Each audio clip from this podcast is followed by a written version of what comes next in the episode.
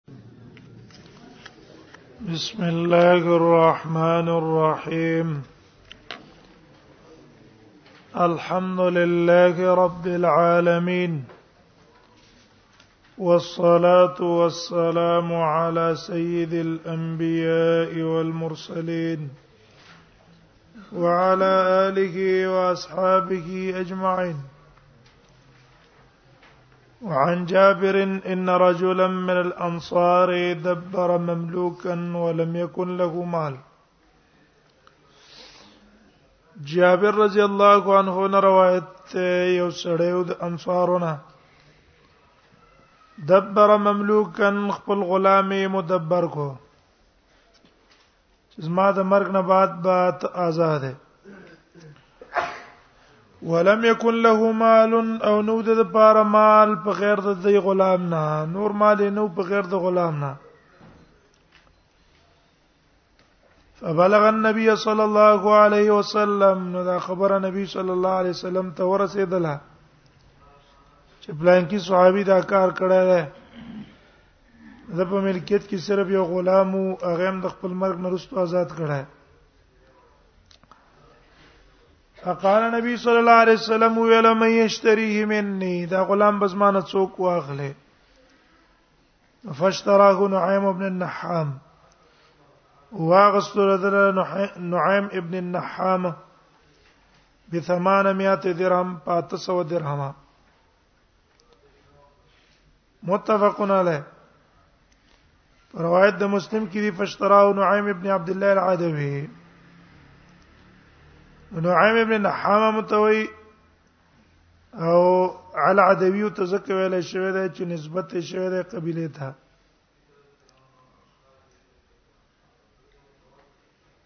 بسمانه مئات درهم فجاء بها الى النبي صلی الله علیه وسلم فتفع له زړی ته هغه پیسې ورکړلې او ویل ابدا بنفسک شروع په خپل ځان باندې وکا فتصدق علیها ځان صدقه وکا فین فضل شیء فلهلکها د دین رستو څه پاتې شون خپل اهل ته ورکا فإن فضل عن أهلك شيء کستاد اهل لم بیت صفات شو فلزی قرابت کاه د پاره د خپلوان استا فإن فضل عن ذي قرابتك ک بیا هم پیسې پاتې شي د خرچې د خپلوانو نه دي مراغي ولدي ورکړي دی او څه ضرورت دا غي نشته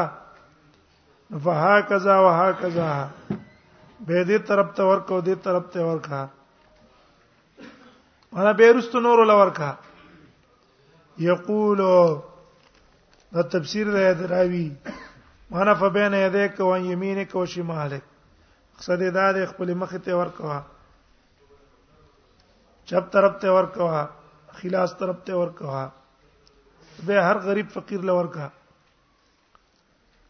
ظاهر د حدیث ته معلوم شولو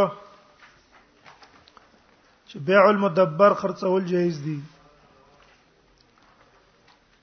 یو سړی راولېږي خپل غلام ته وي ته بس ما د مرګ نه بعد آزاد دی او دا را اولګي به خرج کی نو دا خرڅول جایز دي دا مذهب دی د امام شافعي امام احمد دوی مذهب د امام ابو حنیفه او د امام مالک هغه مدبر خرڅول جایز نه دي او دا حدیث کې چې خرج شوی دی نو خبره دا ده چې مدبر دوه قسمه ده یو مدبر ده مطلق یو مدبر ده مقید مدبر مقیده وې دا غي به عجائز دا چې سره د سی وای خپل غلام تھا ان مت عن سفر هذا کزه په دې سفر کې مړ شوم واستبازه او یا ان مت عن مرض یاذا دې بیماری کې زموږ شوم واستبه آزاد او دې په دغه سفر کې مړ نشو دې بیماری کې مړ نشو روغ شو نو وس دا به تخالص غلام شو مدبر نه ده دا, دا خرڅول جایز دی په شان ته ده قن خالص غلام او یو د مطلق مطلق مدبر د سی توي چې ته بس زما د مرګ نه ورستو آزاد ہے زه په دې بیماری کې مړ شوم که په سفر کې مړ شوم که په بل طریقه مړ شوم خو زما نه ورستو ته سي آزاد ہے دته مدبر وای مطلقه دا مدبر مطلقاً خرڅول جایز نه دی ځکه دا من وجه څه ده من وجه حر ده کنه آزاد ده او دا حدیث چې کوم ده دا محمول له بکم مدبر په مقیده باندې دویم دا حدیث نه معلوم شو چې د باب سره مناسبت غدا انفاق کینو په چا باندې به مخکې شروع کړي اول په خپل ځان خرچه کوا به په خپل اهل به په خپل وانو به په بارانو خلکو الفصل الثاني عن الحسن عن سمره عن رسول الله صلى الله عليه وسلم حسن روایت کوي د سمره بن جندب نه هغه د نبی صلی الله علیه وسلم روایت کړه قال رسول الله صلی الله علیه وسلم فرمایي من ملک ذا رحم محرم هغه څوک چې مالک شو ذا رحم محرم خاوند خپل ولې محرم چې حرامي دا غسل نکاح کول خپل ولې د وجنه دوه قید شو کنه یو د خپلوانی دویم دا غي سره به د خپل ولید د وجه نکاح نه راوي دې کې یو شرط نو بیا نه زادي مثلا یو جنې ده یا لک ده استاد ترزوی ده تر لور ده ده او دا ستا په ملکیت کې رااله نو د دې رحم خوشتا خپل ولای خپلوانه دي دا لیکن محرمه نه ده دیو جن دې پاکستو باندې ازادي کې نه دارنګ محرمي خو رحم نه خور دې درځای ترور دې درځای ستا په ملکیت کې رااله و دې سره نکاح حرامه د خپل ولید وجه نه ده څه وجه نه ده رضاعت د وجه نه دا څنګه کیږي دا زادي کیږي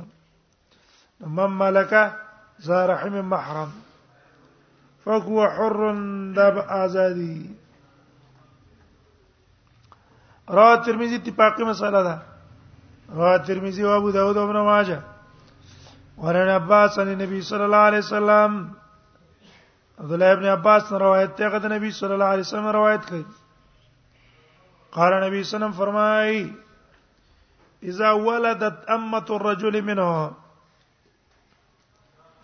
کله چې وزیګو انځي د سړی منه د دنه بچي ستایو انځه دا او تا اوسروتی کړه دا ستا مستپرشه شو ا دې نه بعد شپږ مې شي پسې بچی راوړو او تا په داو کې جدا از مازوی ده نو اوس دا انځستا ام ولدا شوها د دې خرڅول تعالی جایز نه دی چې ته په بل چا خرڅه کې نه چاته هبه کولای شي او کله چې دا سړی مړ شو نو مرګ نه وستو به څه کیږي دا به آزادېږي دې ته ام ولدا وایي فهي معتقه عند بر منه دا به آزادې د مرګ نه وستو یې دې سی ویری بعد هو د مرګ نه بعد دې د زی شوله ک ام ولدا شو پس دینه چې دا کم بچی راوړي ثبوت النسب به د چا نه د نه په شان ته د خزه دې قرضول نه راوه وعن جابر قال بعنا امهات الاولاد على رسول الله صلى الله عليه وسلم وابي بكر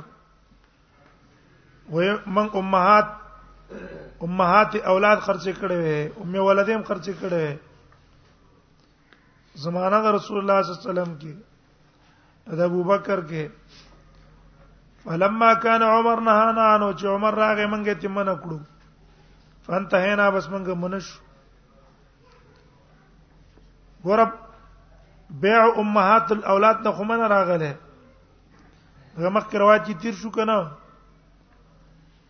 او انځه دا سړی نه بچی راوړو دا به د مرګ نه بعد آزاد جابر چې دا وای من کو نو دا کړه ده کومه زمانہ کې هغه ټیم کې چې لا نسخ نه وراغلی او دې ته خبر د نسخ نه وراغله ټیک شو نو کله چې د عمر په زمانہ کې د دې مسائل شهرت وکړې شو عمر را اولګې دلو خلک یې منه کړی دي نو نه د عمر د وجه د چانه ده نه د رسول الله صلی الله علیه وسلم نه ده او جون کې دا زمانہ و د عمر د شهرت په دې کې اظهار دغه حدیثو د دین او د احکام وشو نو دیو جنا دیو هغه ته نسبت کړي عن ابن عمر قال قال رسول الله صلى الله عليه وسلم عبد الله بن عمر نے روایت ہے رسول اللہ صلی اللہ علیہ وسلم فرمائے من اعتق عبدا وله مال چا چې غلام کو آزاد وله مال او د دې سړي مال وب د لا په غلام په لاس کې راولګي دی غلام دی آزاد کو او ستا مال د دې غلام سره خه قیمتي غړای دی ور کړی دا یا خه قیمتي شینه دی ول ور کړی دی دا ستا مالیت ته کنه ولو مال یا هغه په دې زمانہ کې کار کسب کړی دی پیسې او سره لاشتا تا ته والا کړی نه دی وله مال فمال العبد له نو مال د غلام به چای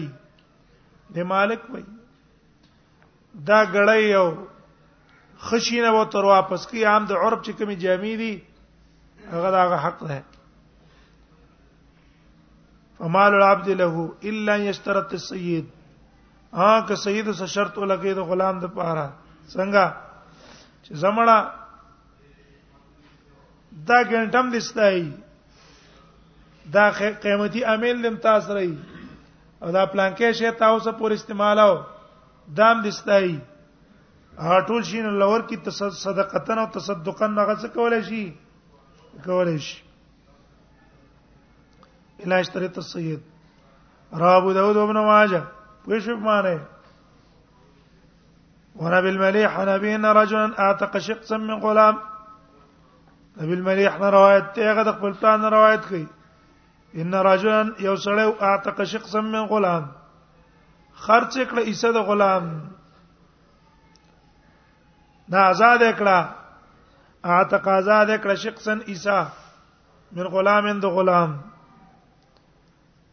خپل د دغه غلام د چا سره شریکو دی راولګه د خپل سی آزاد کړه فذكر ذلك للنبي صلى الله عليه وسلم هي حاصل دا ده د دې صورت حدیث صورت دا ده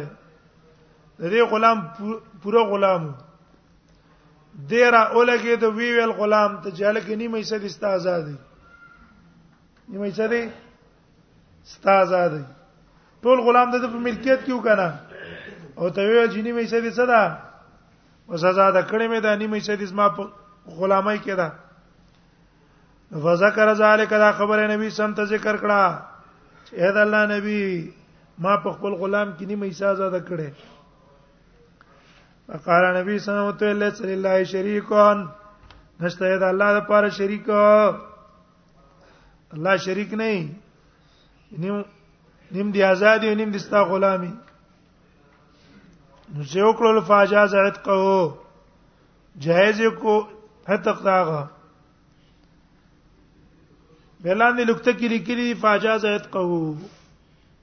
اے رغبا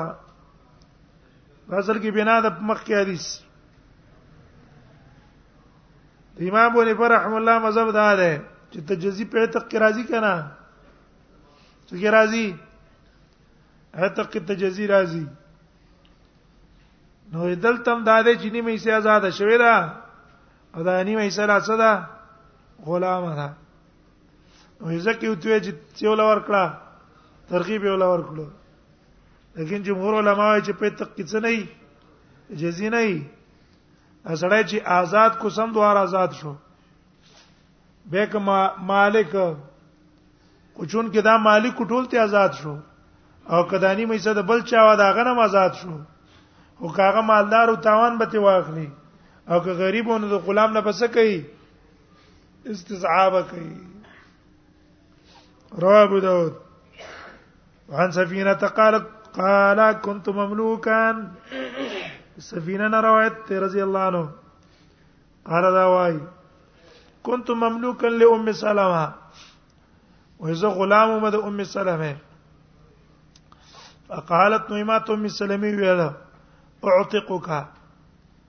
زه تا آزادو ما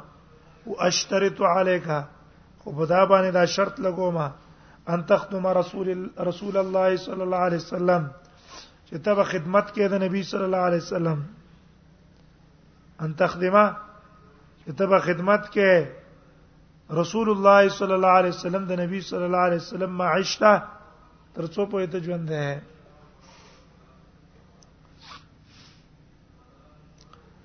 فقلت ما تر لم تشتريتي عليا کته ما باندې شرط مونږ لګې ما فارقت رسول الله صلى الله عليه وسلم زبد نبی صلی الله علیه وسلم نه سره جدا نشم و ما شرط مونږ لګې کنه زبد څنګه کې کما سره بد نبی صلی الله علیه وسلم جدا کې کما نه ما فارقت رسول الله صلی الله علیه وسلم ما عشت تر څو پورې ژوند نه ما نو فاعتقتني هغه ز آزاد کړم وشترت علیها ابو ما باندې څو لګاو شرط یې ولګاو د نبی صلی الله علیه وسلم د خدمت ظاهر دا هیڅ نه معلوم شو دا چې چرته په وخت د ازادۍ کې سړی په غلام شرط ولګای دا شرط څه دی دا جایز ده دا ته معلوم شو لیکن دا اکثر فقها مذهب دا ده چې کا شرطونه لګول په دې کې صحیح نه دي وجه دا ده دا شرطونه لګول شرطونه لګول او بیا خاص کر د خدمت شرط لګول نو دا څه شه ده دا منافی ده د حریت څخه کنه ځکه دا خو ته داغه منافع څخه بل په ملکیت ورکه کنه دیو جن دا شرط صحیح نه ده بیا احناف را لګی دی هغه وی ک شرط تا یو سړی خپل غلام آزاد کی او شرط په ولګی چې خدمت به مې کې دوه کال یا درې کال ټیک شو او په دې کې سم دواره ایست غلام مړ شو دا مالک مړ شو نو وې په دې سید په دې غلام باندې څه شه ده په دې غلام باندې قیمت ته قیمت دا کلونه چې څونه قیمت جوړیږي دا به ورکوي وې دا ځکه دا د شو لکه ازادي به بدلین شو ځ شو ازادي به بدل باندې شو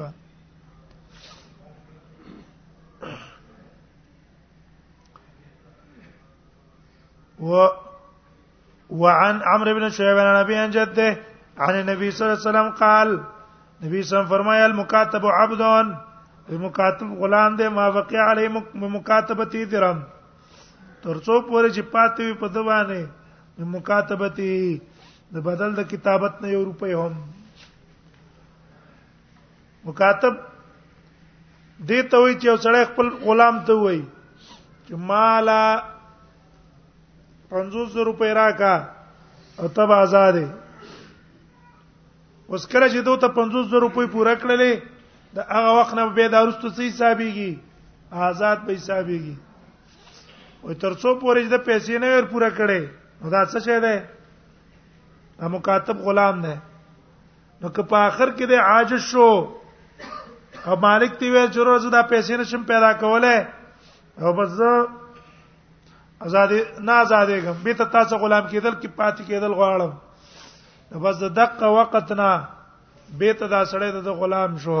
او کومه پیسې چې مخکې ورکړي هغه به ته مکاتب ته ورکول نشته ولې وجدار چې د حق د مولا وکړه مکاتب دي غلام چې څونه پیسې ګټي دا د چای مولای کنه دا د شوله په کومه زمانه کې دا پیسې ګټي دي عبدیت کې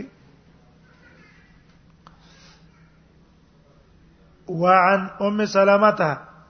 قال قال رسول الله صلى الله عليه وسلم اذا كان عند مكاتب احداكن وفان كوفا وسروا کله کوا مکاتب دی او تن تاسو رو په او ته پته ده چې ردا مال څه کولای شي پیسې را له پوره را کولای شي فل تحتجب منو پرده دې ته کوي پرده دې ته کوي ولې چې وپا او سره شوا دا د شوره کزان څه کولای شي ورا زاده ولې شي رواه ترمذی او ابو داود او ابن ماجه وعن عمرو ابن شعيب عن ابي عن جده ان رسول الله صلى الله عليه وسلم قال عمرو ابن شعيب نے روایت ته رسول الله صلی الله علیه وسلم فرمای من كاتب عبده على 100 اوقيه چا چې مکاتبه کو د خپل غلام سره په سلو کیو فادا ټول ورکړي الا 10 واقش لس پکې پاتې شوې او قال 10 دنانير یا لس دینار پکې پاتې شو ثم عاجزا به دې عاجز شو دې لس ور کورونه بیا به تسوی فهوا رقیق دې به غلامي ولې مخکې تیر شو چې یو روپیم په لا پاتې وته تسوی لګيږي کاته به لګيږي دا غلام دی لا وعن ابن عباس عن النبي صلى الله عليه وسلم قال عبد الله ابن عباس روایت ته وی نبی صلی الله علیه وسلم فرمایي نبی صلی الله علیه وسلم فرمایي اذا صاب المكاتب حدا کله چې رسیدلو کې مکاتب حتا حتا او میراثن یا میراث تا ورث به حساب ما عتق منه نو میراث په وړل کې دنه په حساب داګه چې دنه آزاد کړی شي سمانا ور سمانا دا دا او دا دیت معنا دا دا ګوره یو سړی دی مکاتب 50 زره باندې کتابت کړی دی پنځه زره مالک ته ورکړي پنځه زره په پاتې دي پدې کې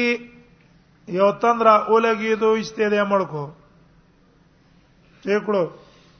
دا مکاتب مړ کو نو دا مکاتب من وجه حر ده من وجه غلام ده کنه قاتل بس کوي قاتل برا اولګيږي د دې غلام به یو قیمت ولګي او یو به حساب د دیت ولګي د مکاتب قیمت چې کومو شپېته زره نو نیم غلام دې ډیر زره بچاله ورکی مولا له بدر زره ورکی ټیک شو ولې ډیر زره نه او ډیر زره بوله ورکی ځکه دا دغه کړو کنه مکاتب سره کړه مکاتبت نیم کتابت هغه ادا کړه ده باقی نیم پاتې ده پیسې قیم نیم د غلام ده د هغه قیمت به تی واخلي ٹھیک شو بیا هغه چې کم ده دا نور باقی کومې پیسې چي دي باقی کومې نیمه پیسې نیم دیت دا نیم دیت حر ده ټیک شو دا نیمه بیا نیم خوازات ته کنه د حر قیمت حر دیت مثلا 2 2 لک روپۍ ده نو دې کې به یو لک روپۍ د څور کې ورسو تا نیم دیت د حر به ورکې ورسو تا ځکه دا من وجه نیمه آزاد ده سپې پېښوي ونه رسیدای فیضا اصاب المکاتب حتا کله چې رسیدلو کې مکاتب حتا او میراثن یا میراث تا ورث به حساب ما عتق منه نو میراث وړل شي دنا به حساب ما عتق منه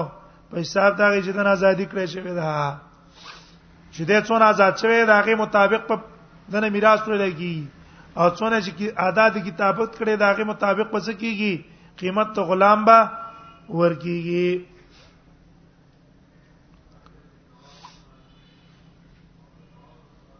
بحساب ما اوتق منه رواه ابو داود الترمذي وفي روايه له بل روایت کی یوت المکاتب ورکیدل دیت بور کې دي چې د مکاتب ته به حصه مات ده په حصے داغه چې د ورکړي مالک ته دیت حر سبا ورکه دیت حر به ورکه ورسو ته وما بقي چې کم پاتې دي دیت عبد دیت په دسوي د غلام وزعفه خو دې روایت ته سوي را ده زعیب یو ته ویل کمزور ویل پاسنه روایت سي ده چې په مکاتب باندې یو روپې تر څو پورې پاتې ودا بچوي هم غلامی کنا هغه په دغه زمانہ کې ټوله پیسې ورکړې دي کینې می ورکړې دي او مړ شو مالک ته بچ ور کوي دا مالک غلام دی قیمت ته غلام بوله ور کوي الفصل الثالث عن عبد الرحمن ابن ابي عمرة الانصاري ان امه ارادت عبد الرحمن ابن ابي عمرة الانصاري روایت ته ان امه ارادت وې د مور اراده وکړه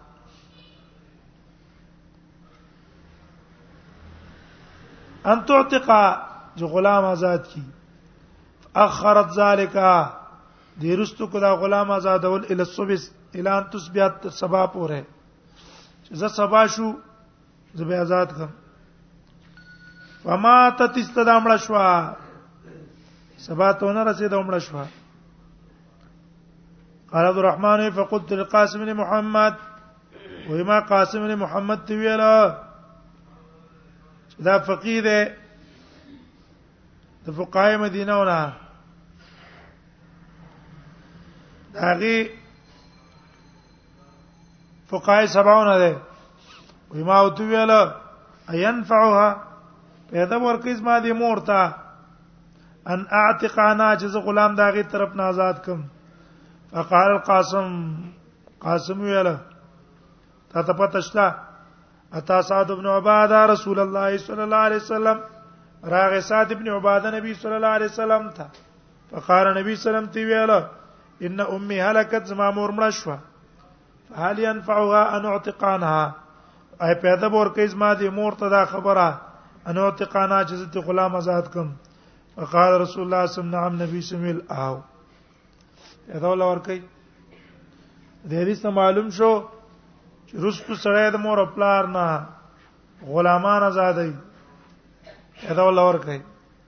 صدقه مالی ته کوي دا اته ولا ور کوي وهي حبل سعيد قالت وفي عبد الرحمن بن بكر في يوم في نوم ناما وهي مرش عبد الرحمن بن بكر في نوم نامه په هغه خوب کې نامه وجوده ود شوی وو وته شو په خوب باندې او ایسته په دې کې هم دغه څه ورغه نه چاپی مړ شو کله انسان ود شي چې را پای ته په خوب کې مړ شوی پته ونه لګي څوک مړ شوی ینو من نامه دا وی فاعت اعتقت ان عائشه اخته آزاد خداغه نه عائشه چې خور ده دوا رقابن کثیرن ډیر غلامان عائشه رضی الله عنها ته څوکړه داغه د حواس کې په بدل کړي غلامان ته آزاد کړه امام احمد په دې کې توسعه کړې ده هغه چې راڅ کیږي خبره دا ده مسله چیرې په مړو پسې صدقه رسیږي کنه رسیږي نو یو د معتزله او مذهب دی معتزله یو ان ليس الانسان الا ما سعى انسان ته وسپل عمل لسیږي د بل چا عمل ته نور رسیږي بیا عام د اهل سنت والجماعت مذهب ده نو پاره کې یو قول لا ده چې صدقه مالی او تور رسیږي کومور او پلاری کې د مور او پلار نه په غیر بل څوګي صدقه مالی او تور رسیږي حج ته کیږي حج او کفاره د نظر صوم النظر چوته وای دا ته کېدل شي تور رسیدې شي بیا ابن قیم رحم الله را لګېدل دی هغه په دې باب کې ډېره توسعه کړې او ویلي چې امام احمد مذهب په دې کې اوسعه ده چې هر عمل ته ورسي دعا او ته کې مون هغه ته کې صدقې پسې کې بل اعمال کې نو مړي پسې ورسیږي په دې کې راجح قول هغه ده راجح قول چې په مړی پسې هغه شینه ورسیږي چې په نس کې کم راغلي حج شو یو روایت کې عمره ده مالی صدقه ده مالی صدقه غلامان آزادول او د نظر روزي او دعا دوار چاته پیدا ورکړي دا ټیک ده او نور د چانه عام روزي نیول یا د چانه عام منځونه کول دا صحیح نه دی